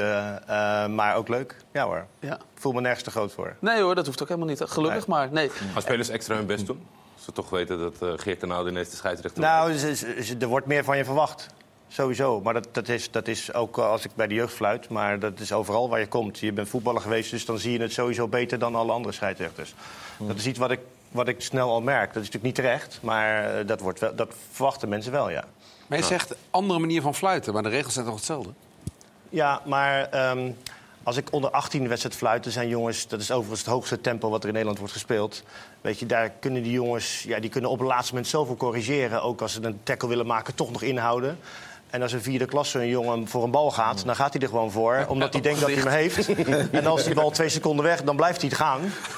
Weet je, ja, dan kan ik zo'n jongen wel elke keer heel, eh, gelijk een gele kaart gaan trekken. Maar ik kan hem beter zeggen van, joh, probeer nou de volgende keer even na te denken. En doe dat dan niet. Weet je, dat is een heel ander gesprek. Dus dat is ook een andere manier van fluiten. Probeer na te denken. Ja, probeer... Ik, ik, dacht, dat je, ik dacht dat je ging zeggen, ik, ga, ik fluit dan al voordat hij de tackle inzet. Nee, maar dat- ik toch maar dat- weet dat hij te laat Nee, maar dat, dat, doe ik wel. Maar dat doe ik op elk niveau. Als ik zie dat een speler eh, bijvoorbeeld kwaad is... doordat er, eh, dat hij vindt dat het anders moet zijn... dan roep ik wel, als ik, dat ik denk dat hij een overtreding gaat maken... pas op, weet je. Dat roep ik eh, vaak. En dat, dat werkt wel af en toe, ja. Je hebt ook met veel beleving zitten kijken naar de klassieker. En dan vooral naar de scheidsrechter van de klassieker. Hoe, hoe heeft hij het gedaan? Eh, uitstekend. Samen met zijn assistenten eh, hebben ze een goede wedstrijd gehad. Want ga er maar aan staan, hè. Zo'n wedstrijd waar, eh, waar van tevoren zoveel, over, eh, waar zoveel druk op ligt. En het enige wat hij eigenlijk vond ik dat ik miste... dat was die overtreding eh, op Bergwijn, denk ik, vlak voor, eh, vlak voor tijd. Net buiten de 16. Dat is, eigenlijk, dat is het enige wat hij eigenlijk miste. En voor de rest eh, vond ik dat hij een prima wedstrijd floot. Ja, want in de nabespreking van alle voetbalwedstrijden gaat het ja, meer dan je zou willen wel over de scheidsrechter. Ik denk dat het vandaag wel meevalt. En dan heb je het toch we- goed gedaan. Zeker. Maar scheidsrechters zijn onderling ook... Want we hebben geregeld een landelijke dag met z'n allen, met landelijke Ja, dit is scheidsrechters. het moment wat jij Ja, je ziet ook aan de bal waar die kant, dat de bal de andere kant op gaat. Dus het was eigenlijk een makkie. Maar ja, eh, ik mis ook wel eens wat. Ja. Eh, Nee, ook vandaag. Ja, ja, nee, ze- nee, ik roep ook, ik, zo, oh, oh, oh. Nee, maar Ik dat roep ook wel eens wat, weet je, is ja. gewoon echt, die is de hele wedstrijd. Wij zitten te letten Ja, we op het hebben voetbal. afgesproken dat niet te En benoemen in de uitzending. de hele tijd de, de, de scheidsrechter te becommentariëren. Dat is echt leuk om te Nee, situaties, want ik leef gewoon mee. Ja. Weet je? En eh, ik dacht op een gegeven moment ook, nou, die bal komt tegen zijn hand, dan is het een zekere strafschop. Maar dus dan komt de herhaling, nou, de bal komt tegen zijn rug aan. Geen strafschop. Zei hij ook daarna. Ja, ja. Ja, als Geert had gefloten was het 3-0 voor Feyenoord. Dat denk ik ook, ja. En op een gegeven moment bij een, eh, was er een opstootje en toen gaf hij eh, eh, meerdere gele kaarten. Daar Nou, ik het ja, dat- niet mee eens. Kijk, je zag dat opstootje, waar, dat Klaassen eigenlijk, was een overtreding. En dan zie je Klaassen van 30 meter aankomen lopen. Die veroorzaakt dat opstootje. Nou ja, die moet je dan daar gelijk bovenop zitten als scheidsrechter. En eh, kijk, het is gewoon een overtreding. Weet je, en eh, dat heeft uh, Guzebuurk gewoon gezien. En dan zie je, kijk, daar komt Klaas aan rennen. Oh ja, je ziet hem en, mooi en komen, die, ja. Kijk, die springt ertussen en die gaat even wiever. eh, ja. Ja. Weet je, dus Klaas is, de, de- Klaas is de veroorzaak hier. Nou, die moet je als scheidsrechter dusdanig gelijk duidelijk maken van... dit flik je me geen tweede keer meer. Weet je? eh, en natuurlijk denkt Klaas, ik moet misschien de boel even... eh, dat kan allemaal wel, maar het is heel goed dat hij daar... Hier is eh, vaak de oplossing in de praktijk dat twee partijen geel krijgen. Is dat Ja. bij, bij jou ook zo? Of vind je daar wat anders van? Nou, nee. Ik, ik ik vind dat, ik vind, als je echt een gele kaart krijgt... dan moet je ook echt wel wat gedaan hebben daarvoor. En ik, kijk, Wiever krijgt misschien eh, van, van Guzebuurk hier geel voor die eerste overtreding. Want volgens mij gaf hij hem ook al gelijk. Ja. Alleen, omdat niemand dat gezien had, gaf hij later nog een keer... joh, jullie twee hebben geel. Ja, en dat was niet voor het... eh, Maar dat is geen, het- dat is ja, geen kritiek, weet je. Uh, Guzebuurk floot gewoon een prima wedstrijd. En als hij daar kiest voor geel, heb ik daar echt wel vrede mee. Ja. Heb je, nog, ja. heb je nog jongens gefloten eigenlijk die op het veld stonden hier? Ehm, nee, heb ik niet gehad, nee. Maar wat ik veel tegenkom, en dat is ook wel leuk... is dat heel veel eh, coaches nu... Bijvoorbeeld Theo Lucius, daar heb ik tegen gespeeld. eh, en daar voetbal ik nog steeds wel eens mee. Dus ik kom heel veel Die jongens zijn nu tegen. trainer van de ploegen die die bij, Theo Ja. is trainer bij Jong PSV. Of bij PSV onder 17 of 18. Onder 18, denk ik. Eh, dus, dus ik kom veel tegen. En dat is wel eh, leuk. Want uiteindelijk... ehm, ja, ben ik toch ook, ook scheidsrechter om, dat vind ik zelf, dat ben ik soort zelf benoemd. En dat, dat, dat spreek ik verder niet zo vaak uit. Maar ik probeer echt wel een brug te slaan tussen scheidsrechters in het algemeen en de rest eigenlijk. Hè? Want scheidsrechters worden toch wel vaak neergezet als een aparte groep mensen. Eh, je hebt scheidsrechters en keepers en linksbuitens, zeggen ze altijd. Nou ja, en ik probeer echt wel die kloof te dichten. Omdat ik uiteindelijk denk eh, dat het ook beter is richting... en dan kom ik net terug op die agressiviteit naar Bergen. Richting agressiviteit van publiek. Hoe reageert het publiek? Weet je, als, als de rol van scheidsrechters en spelers veel beter is... veel meer in deze sfeer in plaats van... oh, ik ben de scheidsrechter en de rest is speler... denk ik dat dat echt ten goede komt. eh, ook qua agressiviteit op tribunes en dergelijke. En als ik daar voorbeelden van mag geven... Kijk, er zijn trainers, en dat probeer ik maar van deze situatie te doen... die, die constant ageren op, op beslissing van scheidsrechters. En daar, ik, scheidsrechters maken ook foute beslissingen. Net als dat spelers foute passes geven. Op een Alleen gegeven je- moment zei Sekhuzebujuk ook... eh, dat was volgens mij bij dat moment van, van eh Brobby... zei hij ook, toe. gaf Ja. hij het toe. En toen Ja. zei jij inderdaad... Hij geeft, yes, hij geeft het toe! Ja, maar dat, dat, dat, heel blij mee. Dat, is, dat, dat doe ik ook als ik een fout maak. En dat, dat, ja, dat brengt zo spelers en trainers dicht, en scheidsrechters dichter bij elkaar... om gewoon daar eerlijk in te zijn. En, eh, en als je dan kijkt, bijvoorbeeld Maurice Stijn, eh, Dijkhuizen... en die, die maffe trainer van Fortuna. Als je kijkt hoe, hoe die constant alleen maar bezig zijn met de arbitrage... ja, dan gaat het publiek ook daarmee reageren. En dat gebeurt niet alleen in de Eredivisie, want... Ja, eh, gisteren, ik weet niet of mensen dat gezien hebben... gisteren had je de treffers tegen Excelsior Maasluis. Ja, en dan krijgt een jongen van eh, de treffers krijgt vanwege een slaanbeweging een rode kaart. De nou, die krijgt terecht rood. Ja. En vervolgens komt de trainer tot twee keer toe het veld ingelopen. Van Excelsior Maasluis. Nee, van de treffers. Van de treffers. Nou, en, de- Ja, ja. en die scheidsrechter stuurt hem terecht weg. Ja, weet je, ja, waarschuwt, laat hem nog een keer, komt vervolgens nog een keer. En dan gaat die man, eh, Leroy Echt, dat was in dit geval, die maakt er zo stampij. En vervolgens moet die scheidsrechter bijna onder begeleiding daar het terrein af. Dat is te, te gek voor woorden. Ja. Weet je, alleen maar door zo'n gedrag van zo'n trainer. Want iedereen gaat natuurlijk vervolgens mee, hè? Heb je Kiki wel eens gefloten? Niemand zei, eh, Eh, Jij bent de tra- trainer van uh, Jong eh, toch? Nee, nog niet. Hij Nee, nog, nog niet gefloten. Ik hoop dat hij me wel gaat fluiten. Ja. Loop je wel eens het veld in, eh, Kiki? Als het, eh, Nee, nee, nee, nee. Totaal niet. Kijk, wij zijn jong en we spelen tegen oudere jongens. Wat we wel meemaken steeds is dat de tegenpartij het een beetje er bovenop wil kletsen Ja. om ons te intimideren fysiek.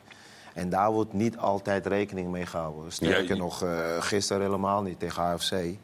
Eindigt gewoon een van die spelers in het ziekenhuis. Met eh, een stukje bot van zijn enkel. Die, Zo. eh, een, een tackle, hè? Ja. En dan was het slechts geel. Dan denk ik van ja, de dat meeste, vind ik wel jammer. de meeste trainers die ik tegenkom in de jeugd gedragen zich voorbeeldig. Ja. Ja. het heeft ook wat te maken, Geert. Daar is de, de druk en de, weet je wel, de, de- die is nog veel minder. Ik denk hoe, Nee, heel hoe goed. meer er op die trainers neerkomt, hoe anders zich, zij zich gaan gedragen. Zeker, maar het begint natuurlijk bij jonge jongens die worden opgeleid van... joh, luister, eh, je gedraagt je op die manier. Hè, Kijk, het ultieme beeld is eh, dat wij een, een hockeywedstrijd eh, naast een voetbalwedstrijd neer kunnen leggen. Als je kijkt, als er bij hockey gefloten wordt... Ja, het eerste wat hockeyspelers denken, ik moet terug in mijn organisatie. Ja, ja, ja. En het eerste wat, inclusief mezelf in mijn tijd... Hè, want ik ben niet beter dan de, de jongens van nu... maar eh, reageren van, oh, ik moet eerst even gaan protesteren... of ik moet eerst even de bal gaan wegtrappen... of ik moet eerst even Ja. dit. Ja, Weet je, dus dat is een totaal denkwijze. Cultuur, cultuurverandering. Dat is- Tuurlijk, dus, dus, dus als wij dat met z'n allen dat. willen veranderen... zullen we daar Ja. heel vroeg mee moeten beginnen. Luigi, jij voetbalt nog? Zeker. Scoort ook nog wel eens? Toevallig, gisteren twee. Ja. Maar dat is wel een hele lange tijd geleden. Hè, daarvoor. Oh ja? ik zag Goeie wel. band, goeie band met de scheidsrechters? Oeh, eh, soms wel, soms niet. soms wel, soms niet. Nee, dus. Nou, er zijn beelden bij Rijnmond geweest. Volgens mij deden ze dat toen ik mijn overstap maakte. was in de oefencampagne. Kwamen ze een keer kijken. was tegen, ik denk, Sportclub Feyenoord. En toen ging ik helemaal tekeer tegen hem. Maar goed, dat is het afgelopen jaar weer wat rustiger Bij geworden. Smitshoek, voetbal je. Ja. Ja, ja, Lekker om nog eh, te, kunnen, te kunnen voetballen. Zeker. Het is bij mij om de hoek. Het is, eh, het is mooi niveau, vierde divisie. en eh, we spelen tegen allemaal clubs uit de regio. Dus dat is, eh, je komt heel veel jongens tegen waar je voorheen ook tegen gespeeld hebt. Zoals. Pleintje of, eh, of in betaald voetbal. Ja, we zien wat mooie doelpunten van je voorbij eh, eh, ja. komen. Ja, die, die weet je nog wel. Ja, ja. Maar dit soort dingen doe je ook nog wel dan op de zaterdagmiddag. Gisteren toevallig. Maar wat ik net al zei, ja, daarvoor heeft het heel lang geduurd voordat er weer wat moois zo van me En, sta, je heel, sta je heel anders op het veld nu vergeleken met deze tijd? Ja, was die Eh, knop makkelijk? Want er moet een knop om. Van, van de arbitrage tot de, tot de entourage. Ja, zeker. Ja, zeker. Nou, je moet rekening houden met alles om je heen. Ja. Dus dat is ook met niveau eh, eh, zeg maar binnen de club, op het veld, eh, scheidsrechters, noem het maar op. Maar dat, eh, ik moet zeggen, soms gaat het me vrij makkelijk af. En echt incidenteel, dan, eh, dan eh, kan ik me er wel heel erg druk om maken, ja. Kees, wat was eh, Luigi voor eh, voetballer? Een hele goede voetballer. Ja, die kon heel goed voetballen. Ja, had gewoon, weet je, de, spelers zie je dat niet veel, steeds minder doen eigenlijk. Gewoon echt een, echt een steekpaas. Gewoon een ongelooflijk mooie steekpaas had hij. Had dat met Slory had hij echt zo'n tandem. Voor mij was het, ik heb het nog naar je gestuurd, dat jij stopte met voetbal. Heb ik nog gestuurd. Hey, gefeliciteerd met je carrière. Jij was altijd een voorbeeld voor mij. Want ik kwam net bij Excelsior dat hij zeg maar heel eh, echt doorbrak. En ik keek daar altijd heel veel naar. Dat helpt onwijs. Want dan, als je iemand een soort van één beweging heel vaak ziet doen, dan ga je dat zelf oefenen. Nou ja, in ieder geval hij was voor mij een voorbeeld. Maar wat ook grappig was, hij leek altijd heel rustig en eh, introvert. Maar hij kon zich wel echt eh, boos maken. En eh, dat Ja, dat is wel er eens. ook nog wel eh, bij. Daarom was ook misschien wel net die vraag over die arbitrage. Er zit wel wat uh, ja, er zit in. wel pit in, weet je. En dat, dat lijkt niet altijd zo. En uh, jij hebt echt wel... Uh, Ik denk ook nog met Excelsior dat jullie degradeerden toen wel uit de na-competitie. Maar toen speelde jij ongelooflijk goed. Ja. Dus dan heb je wel een goede aan hem. Maar hij moet, je moet hem wel af en toe een beetje, uh, ja, volgens prikkelen. mij, prikkelen. Ja, en, prikkelen. Maar jullie hebben niet alleen samen gevoetbald, jullie hebben ook andere dingen samen gedaan. Het was in de tijd dat uh, boswachters uh, hemdjes nog helemaal uh, in waren. Zo is die weer hoor. Dat kon toen nog, dit soort hemd, uh, dit soort blouses, uh, Kees. Dat haar kwam ook nog. Ja. Ik ook trouwens, ja. maar uh, geen beelden van mij. Nou, het mooiste hiervan is nog... Dat, uh, ik werd gevraagd om dat item te doen. Luigi speelde inmiddels bij. Oh, kijk, Feyenoord. die oude man. Die had ik liever willen zien, ja. Oh. Nee, maar Luigi die had. kijk, dus techniek. Van, dit, dit, is bij RTV Rijnmond opgenomen. En toen hadden ze tegen, aan Luigi gevraagd: Ja, we willen een item doen met jou en Kees. Wat zullen we eens doen? Dus uh, toen had hij gezegd, ja, we willen wel bowlen. En toen deed hij net alsof hij nog nooit had gebold. Maar het bleek dat hij iedere week bowlde met zijn vrienden. en uh, nou ja, goed, je ziet het. Uh, ik, ik werd er flink afgebold. Ballen met, die, ballen met een curve, zo. Ja. En, en, met het ene voetje kom je ja. achter je standbeen. Dat is een interessante ja. techniek. Nou ja, dat is niet op... Ge... Nou, daar is, op, daar is op getraind. Nee, ja, nee, nee. nee, nee, nee. nog steeds een... leuk om te ja, doen, nog dus, steeds? Uh, ja, wel, tuurlijk. Echt waar? Tuurlijk. Oh ja. Dat elke week, dat is niet helemaal waar. Maar uh, ik heb het inderdaad wel vaker gedaan. En ik vind het gewoon hartstikke leuk om te doen. Dus, uh. en, en wist jij trouwens tijdens je carrière dat je een voorbeeld was voor Kees? Nee, nee, helemaal niet. Nou, we zijn uh, zo goed als van dezelfde leeftijd. Dus, uh, maar ik snap wat hij bedoelt. Ik bedoel, je hebt voorbeeld als zijnde van... daar kijk ik altijd heel graag naar of uh, een grote Ook van speler. daar wil ik naartoe. Dat Juist. was het met name. En van hetgene van, oké, okay, wat, wat kan hij, wat kan ik overnemen? En daar ga ik naar kijken. En ik denk dat hij iets meer richting die kant zit. Hey. hey. Is gebeld en dat betekent dat er wat is gebeurd op uh, ESPN 2 bij de wedstrijd AZ tegen Fortuna Sittard. Um, Jordi gaat al zitten en die zoekt al naar, nou, een, uh, ik, naar een bal. Ik kijk naar de richting, ik kijk naar de richting. Ik denk dat ik kan blijven zitten. En het wordt gewoon een bitterbal, denk ik, uh, Jordi. Want dit is AZ in de aanval. Dit is een goede goal weer zeg, van Pavlidis. Die schuift, hem, schuift hem binnen. Die is ook al bezig, die Pavlidis, samen met Otkaart. Aardig voorzet. Knappe voorzet, ja. knappe voorzet ja. inderdaad. Goed afgewerkt. Ja, mooi. We hebben het over uh, bijzondere hobby's. Uh, bowlen bijvoorbeeld, van uh, Luigi Bruins. Maar Kiki, je hebt ook een, nou ja, bijzondere hobby. Je zit wel eens op een paard? Wat ga Oh jee. oh jee. Die ogen. Ja, ja, ja. Nee, wat gaat hij nou weer komen? Ja, ja ik zit... ik heb een paard, ja. Hoe, hoe is dat zo gekomen? Nou, ik, ik, was altijd een beetje gefascineerd door snelheid. weet je, snelle auto en zo vond ik wel leuk. En, maar ja, toen ik tv keek, zag ik vaak in die films het paardrijden. dacht ik van, god, dat lijkt me echt tof zo. Ja. op zo'n beest zitten. Toen dacht ik, nou, ik ga eens even les nemen. Misschien vind je het helemaal niks, denk je van uh, rotbeesten. En, maar ja, ik moet zeggen, uh, na de eerste les was ik echt meteen verkocht. Uh, was niet weg te slaan Geen bij die manege. Ja. Nee, nee ja, in het begin wel een beetje, want het is wel Ja. imponerend, zo'n beest, eh, groot.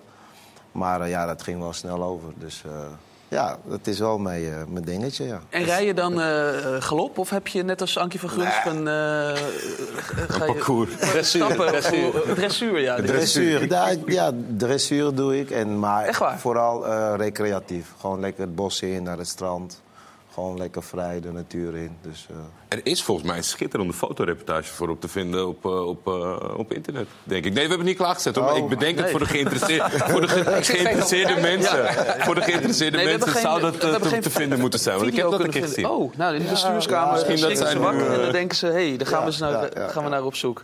Ja, dus, dus tussen alle trainen geven bij Jong en Volendam... zit je nog wel eens op een paard Ja. om een beetje stoom af te blazen. een beetje weet je, wat anders doen. Ik het bos in, even geen andere dingen aan je hoofd. Heerlijk. Geweldig. Ja. Ja, ik vind het stoer. En- Wat voor, wat voor type trainer ben je aan het worden? Of ben je al?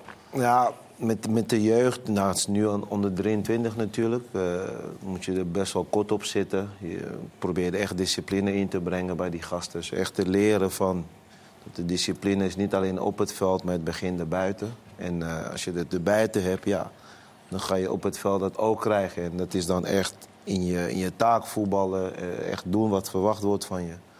Maar ook om eh, zelf initiatief te nemen. Want ja, het is nog steeds ontwikkelen, eh, Jong Volendam. De bedoeling is gewoon dat er veel jongens doorstromen naar het eerste. Dat is het voornaamste doel. Dus daarin probeer je ze te helpen, bewust te maken van de kansen die ze nu hebben. En ja, dat ze er zelf mee aan de slag moeten. Zijn er trainers uit jouw eigen actieve carrière als voetballer waar je, waar je dingen van plukt? Ja, zeker wel. Eh, ik heb vaak een- met, met Van Gaal gewerkt, bij Ja. Ajax. Daar ben ik gestart, maar ook bij AZ op een gegeven moment. Dus daar heb ik toch wel de basis. Wat neem je van hem over dan? Dat, dat, eh, zijn interviews? Of Nou, nee, niet. Nee. nee, dat niet. Vooral dat, de, de eerlijkheid. Eh, de eerlijkheid naar de spelers toe. En ze echt duidelijk laten weten waar ze aan toe zijn. En, en om gewoon de kort op te zitten en te zorgen dat ze wel uitvoeren wat verwacht wordt. Want ja, dat vind ik toch wel een beetje de basis voor jeugdspelers om, om door te groeien. Maar bijzonder dat dat, ja, dat eerlijk zijn, dat dat, eh, nou ja... Nou ja, er zijn natuurlijk ook heel veel trainers die proberen iedereen tevreden te houden in de selectie. Het is niet per definitie dat elke trainer, denk ik, de hele tijd zegt waar het op staat tegen zijn team. eh Nee, want het is aan ook de weg, de weg van de meeste weerstand in principe als Ja. trainer. Het is niet zo dat een speler denkt, nou lekker. Er zijn 30 mannen die waarschijnlijk het continu niet met jou eens zijn. Ja, ook dat. Maar ook gewoon, eh, ja, je kunt de speler ook flink eh, de grond in, eh, inboren als je duidelijke kritiek levert. Maar ja, Van Gaal kijkt naar diegene die weer uit de grond proberen te komen. En ja, nou ja, goed, als het goed is, dan hoor je het ook, toch? Hij is niet iemand die alleen maar eh, Nee, zeker eh, niet. spelers... eh, Nee, zo is het. Nee. Je, je, je komt heel relaxed en rustig over. Maar eh, trainer Kiki, als je dit, eh, dit doelpunt eh, bij jou gebeurt, bij Jong Volendam... blijf je dan ook cool? Dit is eh, de opening, de aftrap van de, het begin van de wedstrijd. Stop eh. Ja, Ja. ja, gezien. Dit is hem na acht seconden. Ja. Maar dan zou je toch een warming-up hebben gedaan van een half uur? Ja. en dan is dit de eerste bal die je speelt. Dat is toch... Nee, nee. Nog tijd om aan te nemen ook, hè? Maar het idee was goed. Een grotere plan als het was gelukt. Maar daar hebben heel veel trainers en spelers altijd een hele goede idee. Hè? Dat- Nee, maar Nou ja, ik zou wel rustig blijven. Je moet wel, want je hebt nog 90 minuten te gaan. Als je dan al gek wordt, ja, dan, ben je ze allemaal verloren. Dus, Ja. eh, ja. Net is de naam eh, Louis van Gaal eh, gevallen. En Geert, het gerucht gaat dat jij een keer een discussie hebt gehad met eh, Louis van Gaal en, en gewonnen. Gewonnen ook. Ja. Oh. Zo, Nee, toch? dat is een heel, dat is een heel kort rijtje dan discussie met Louis waarschijnlijk. gehad, ja. Ja, ja. Ja. In, in, Dat was volgens mij een taalkundige discussie. Maar die kon je gewoon hem voeren. En als hij dan uiteindelijk vond dat je gelijk had, dan gaf hij je ook zijn gelijk toe. Ja. Alleen eh, hij vindt heel vaak dat mensen niet zo snel gelijk hebben. dus eh, ja. Ja, mooi, Louis van Gaal. Ehm, Luigi, jij bent, als ik aan jou denk, denk ik ook echt aan, aan Excelsior. Je bent een Excelsior-man, maar be- ben je dat nog steeds? Eh, dat zal ik altijd blijven. Ja. Alleen eh, op dit moment ben ik er niet, eh, niet actief. Oké. Afgelopen vier jaar wel, nou ja, ook als, als jeugdtrainer Ja. actief geweest. En dat is ja, dit jaar niet meer zo. Dat was bij onder 14 of zo? Twee jaar onder 13, twee jaar onder 16. Ja. Ja. En, en nu niet meer? Is dat Nee. omdat je geen tijd voor hebt? Of, eh, Eh, genoeg, nee, genoeg tijd. Dus eh, nou ja, het, is, het is afgelopen jaar gewoon niet zo gelopen denk ik, in de communicatie wat we, wat we ervan verwacht hadden. En ik heb meerdere malen aangegeven dat ik graag wat wil doen. Ja. Alleen, ja, er was telkens vanuit de club een enorme radiostilte. Dus, en eigenlijk tot de dag van vandaag. Dus. Echt waar? Ja. Zo, ja, dat, dat, dat is je wel enorm tegengevallen, denk ik ook. Dat je, dat je niks hoort van jouw club. Nou ja, als je de afgelopen vier jaar daar eh, al training geeft... Hè, en natuurlijk al vanaf je zesde eigenlijk rondloopt... dan verwacht je op die manier wel iets anders. En eh, ook nog eens de cursus afgelopen jaar heb ik gedaan met de UEFA... en eh, vanuit de club gefinancierd. Dus wat dat betreft ga je er vanuit een soort investering... en dan denk je wel van, nou ja, dan gaan we, dan gaan we deze, deze lijn doortrekken. Maar goed, dat is eh, niet gebleken. Wat een rare, rare situatie. Als ze je nu bellen, en naar aanleiding, want ze zitten te kijken natuurlijk. Als ze zeggen, wil je toch wat eh, komen doen bij ons? Wat zeg je dan? Eh nou, we kunnen altijd zitten en praten en kijken wat er is. Zo. Maar Luigi, het is toch heel raar dat eh, Ja. als er één familiaire club is, in mijn ogen, in eh, Nederland, dan is het Excelsior. Er lopen heel veel mensen lopen daar 20, 30 jaar rond. En, en- en jij hebt vanaf je zesde daar eh, gespeeld. Een van de spelers die het meest is opgevallen de afgelopen decennia. Dat- hoe, hoe kan het dan gebeuren? Zijn al die teams die jij getraind hebt gedegradeerd of zo? Die onder 13 en onder? Eh, dit is een heel ter onderwerp, eh, Chris. ik, moet zeggen, ik moet zeggen, de laatste toevallig wel. Oh. Maar daar, daar, daarnaast ook één keer kampioen en één keer gepromoveerd. Dus dat betreft steekt elkaar een beetje weg. En eh, het is ook maar net in welk niveau je terechtkomt. Dus wat dat betreft eh, hecht ik daar niet zoveel waarde aan. Maar goed, precies wat je zegt. Ik denk als je alle clubs een beetje kijkt in de Eredivisie, Eerste Divisie... zie je overal wel eh oudspelers rondlopen. Of in ieder geval terugkeren in welke functie dan ook. En zeker met Excelsior als enorme familieclub, wat ik wel nog steeds zo ervaar, eh, eh, is dit wel apart, ja. Maar weet je of ze een andere keuze hebben gemaakt? Dus dat er iemand, de- de- de- ik neem aan dat er iemand voor die ploeg staat die, die nee, jij... die, die trainen zelf nu de onder 14.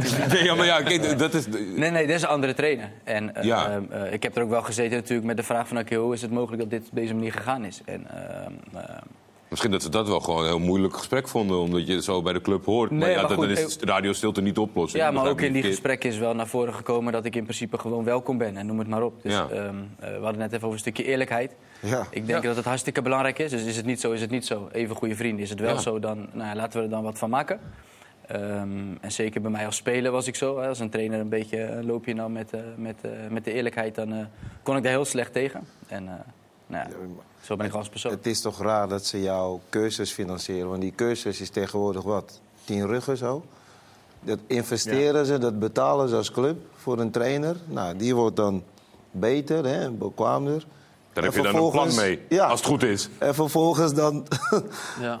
Laat je niks meer horen. Het is een vreemde situatie. Excelsior draait trouwens wel als, als Zeker. een trein. Kan je daar Ja. dan ook van genieten? Of heb je zoiets van... eh, nou, Nee, nee, nee, ja, zeker weten. Zeker weten. Tegen de maar. Shit, hebben ze weer gewonnen.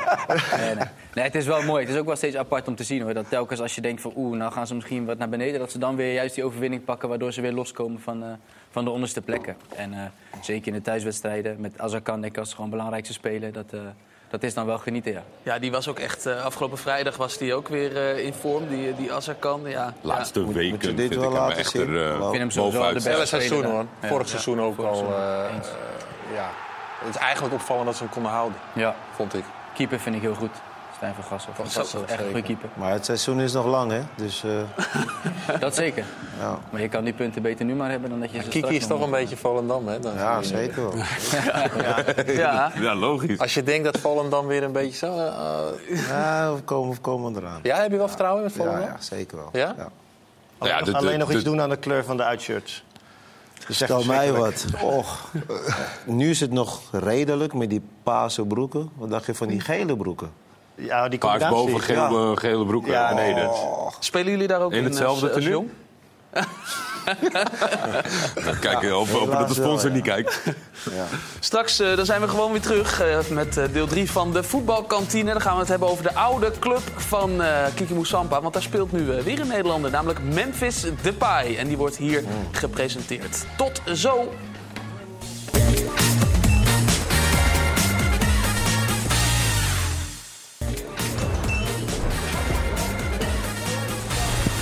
Welkom terug in de voetbalkantine, die we trouwens 31 januari voor één keer ook op dinsdag gaan openen. En dan wel uh, voor uh, zes uur lang, of misschien wel langer. We kijken wel, ja, misschien houden we nooit meer op. Zolang er wat gebeurt, in ieder geval tot de markt sluit. Dinsdag 31 januari van 6 tot na 12 zijn we er met een transfer deadline show. En dan gaan we alles voorbij horen en zien komen. Ehm, Max, is er eigenlijk al iets gebeurd deze transferwinter? Nou, zeker, zeker. Nou ja, op zich wel een van de meest bedrijvige clubs is, uh, is Chelsea. Uh, natuurlijk afgelopen week, of afgelopen week weer met de presentatie van Noni Madueke. De inmiddels dertiende aanwinst van dit seizoen. nou ja, voor de snelle, snelle mensen, er staan er maar 11 op. En, dat komt, en dit is oprecht waar, omdat onze titelkamer 11 rijen kan, kan toevoegen. Dus er zijn er twee afgevallen. Dat is Gabriel Slonina, die van Chicago Fire kwam. Kostte iets meer dan 9 miljoen. Zo. En Denis Zakaria, die gehuurd was van Juventus, staat er ook niet bij.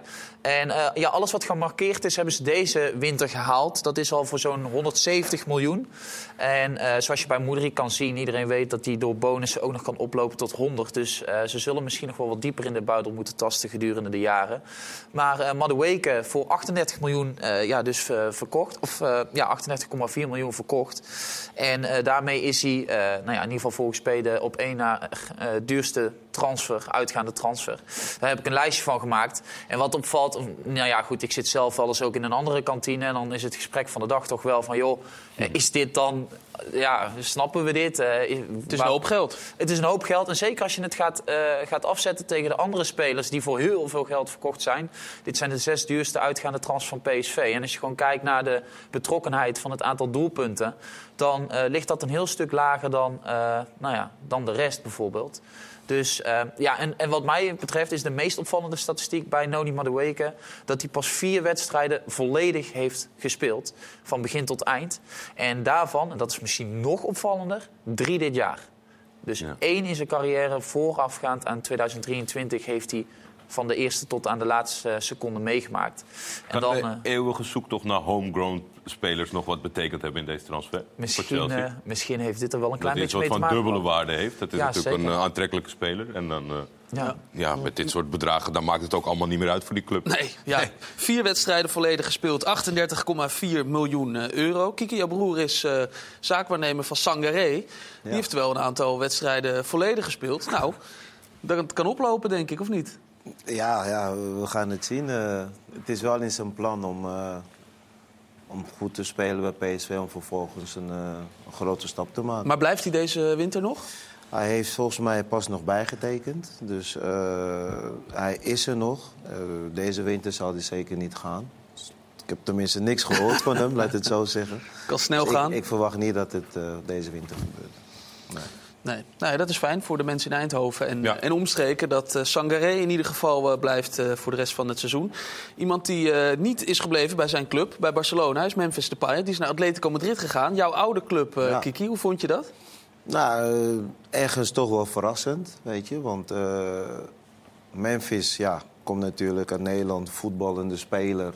En dan denk je dat een voetballende club hè, beter bij hem past. Nou, Atletico zit net wat anders in elkaar. Dat is, die voetballen meer vanuit de, de counter, die zakken meer in. Dus ja, wat dat betreft vond ik het wel verrassend. Want ik vind zelf persoonlijk dat een voetballende club beter bij Memphis past. Maar heb je nog warme gevoelens bij, bij Atletico? Zeker wel, zeker wel. Ik heb daar geleerd dat je ook uh, vooral moet gaan voetballen zonder de bal. Ik kom natuurlijk vanuit Ajax, alles is gebaseerd op de bal hebben. En ja, daar kwam je toch in een hele andere cultuur. En toen was het van uh, mouwen opstropen en, uh, en gaan bikkelen. Dus ja, dat heeft wel uh, wat toegevoegd bij zit, mij. Zit dat echt een beetje in de club DNA, zeg maar? Want Simeone ja. krijgt natuurlijk... De, maar dat, jij was in de periode daarvoor en eigenlijk haal je ja. toch al een beetje dezelfde elementen eruit wat ze verwachten. Ja, nou sterker nog, Simeone was de, de aanzetter, want die, die speelde toen nog natuurlijk. Die speelde op het middenveld dus, natuurlijk. Maar dat hoort wel een beetje bij Atletico. Dat is, het is de club van de harde werkers. zit in de stad met met Real. Dat is, dat is, de mooie club van hè, het koninklijke luxe. luxe. En uh, ja, Atletico zijn uh, de werkpaarden, dus uh, dat weten de mensen ook. En dat is ook wat ze willen uitstralen. Het publiek vindt dat ook niet erg als ze gewoon de hele wedstrijd verdedigen en eh, met één counter een doelpunt maken. Vinden ze geweldig. Weet je, als je een tackle maakt en je blokt een bal, vinden ze geweldig. Dus ja, en, en daarom was ik toch een beetje verrast dat, dat Memphis daar naartoe ging. Dus Atletico... eh, gekocht. ja, Vandaar het paard, ja. werkpaarden, ja, ja, ja, daar zijn ze. Is, Atletico populairder in Madrid dan Real? Of Ja, Wel, hè? ja. Madrid, eh, Real heeft meer Over fans. paarden gesproken Ja, kijk, zie je, ik wist het. Een, een mooi, een mooi interview met Vice. Ja. Bij Vice was dat eh, inderdaad. Ja, ziet er goed uit, eh, Kiki. Ja. Ja. Sorry, maar je had het over de... Nee, ik vroeg me af. Ik, ik dacht dat we wel eens gehoord hebben. Dat, dat Real Madrid is natuurlijk wereldwijd eh, misschien wel de grootste club. Maar in Madrid is Atletico populairder. Ja, Ja, omdat je de mensen zich meer met de identiteit van Atletico associëren. Ja, het zijn gewoon werkers en die, eh, die hebben meer met Atletico dan met Real. Ja. Je hebt in grote voetballanden gespeeld. Is, is Spanje dan het, het meeste, eh, wa- wa- wa- wat je net aangeeft, van het, de manier waarop maakt niet uit, het resultaat is heilig? Was dat, was dat daar het meest of was dat in een andere competitie? Nou, daar was het meest, ja. Ja. En daar leerde je gewoon van... Je moet alles eraan doen om te winnen. Eh, moet ik, eh, weet ik veel, iemand wat aannaaien? Ja, dan maar even doen. Het randje bestaat niet. Nee, zolang Weet je maar jij dat? alles aan doet om, om te winnen. Moet je iemand een kaart aannaaien, dat hij eruit gaat. Zodat je, ja, dan moet je dat doen. En dat is wel een Kon je dat? Makkelijk? cultuur. Ik heb het wel geleerd, ja. Dat moest, dat moest het, ja. Dat, dat, leerde je wel, ja.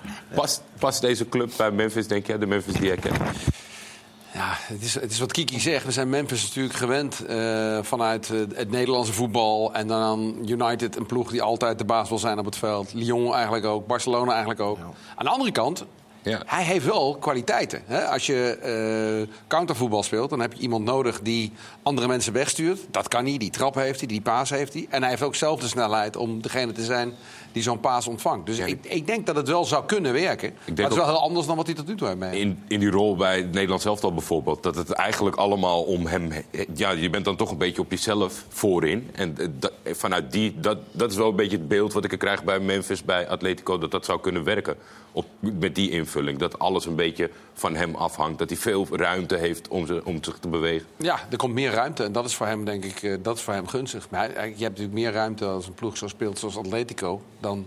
Maar het is toch niet zo dat in La Liga Atletico altijd aan het verdedigen is? Eh, Je hebt misschien Gel- Geloof me. Die, Ja. die spelen thuis. Ook, dan zie je Morata gewoon kopcirkel eigen helft. Hè? Ja. In, in Dus het speloverwicht in La Liga is vaak voor de tegenstander van eh, Atletico. Ja. Oké. Ja, ik ben meer En dan val je in het, mes. Niet uit, maakt niet uit tegen wie. Hè? Ja? Dat eh, hoog druk zetten, dat is echt sporadisch. Ja? Dat zie je heel vaak. Een spits die geïsoleerd is. Dat zie je heel vaak met, met Morata. Ja, de aansluiting is dan zo ver achter. Wanneer hij een bal in de ruimte krijgt, dan staat hij alleen tegen twee, drie man. En het is gewoon heel moeilijk voetballen. En daarom denk ik van ja, Memphis in die situatie. Ja, ze lopen nog wel eens eh, naar achteren bij Atletico Madrid. Dat deden ze ook bij eh, Jong PSV. Afgelopen eh, vrijdag hebben jullie dat doelpunt gezien van, eh, van Arnach, van eh, Den Bosch. Ja, Ja, nu dat, eh, ik wilde hem toch nog Ja. even erin gooien. Ja. Geweldig, eh, geweldige goal. En eh, ja, mensen worden, denk ik, in de bestuurskamer schrikken zich, schrikken zich wild.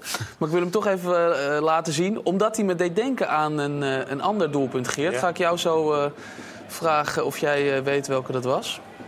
Dan Ja, moet ik aanname zeggen, uit de lucht, hè? Ja, wat geweldig. heb ik hem geleerd bij Almere. De onder 18 heb ik op gehad. Het doelpunt NS. voor mij van eh, afstand. Eh, ja, die heb ik wel gemaakt. Eh. Utrecht? Ja. Utrecht uit met RBC. Met RBC. Ja, ja, ja, ja, ja. En dan heb Ja, ja, ja. Maar zie je waar Wapen nou staat? Die staat, die, die staat in de vijf meter en je denkt, hoe dan? Weet je? Ja, inderdaad.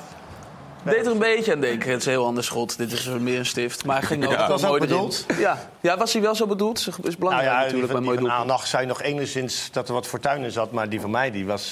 die vind je echt mooier? dat, dat- dat was toch Ja. zo? Dat was, Die ziet heel duidelijk... eh, ja, daar had ik wel oog voor. Ja.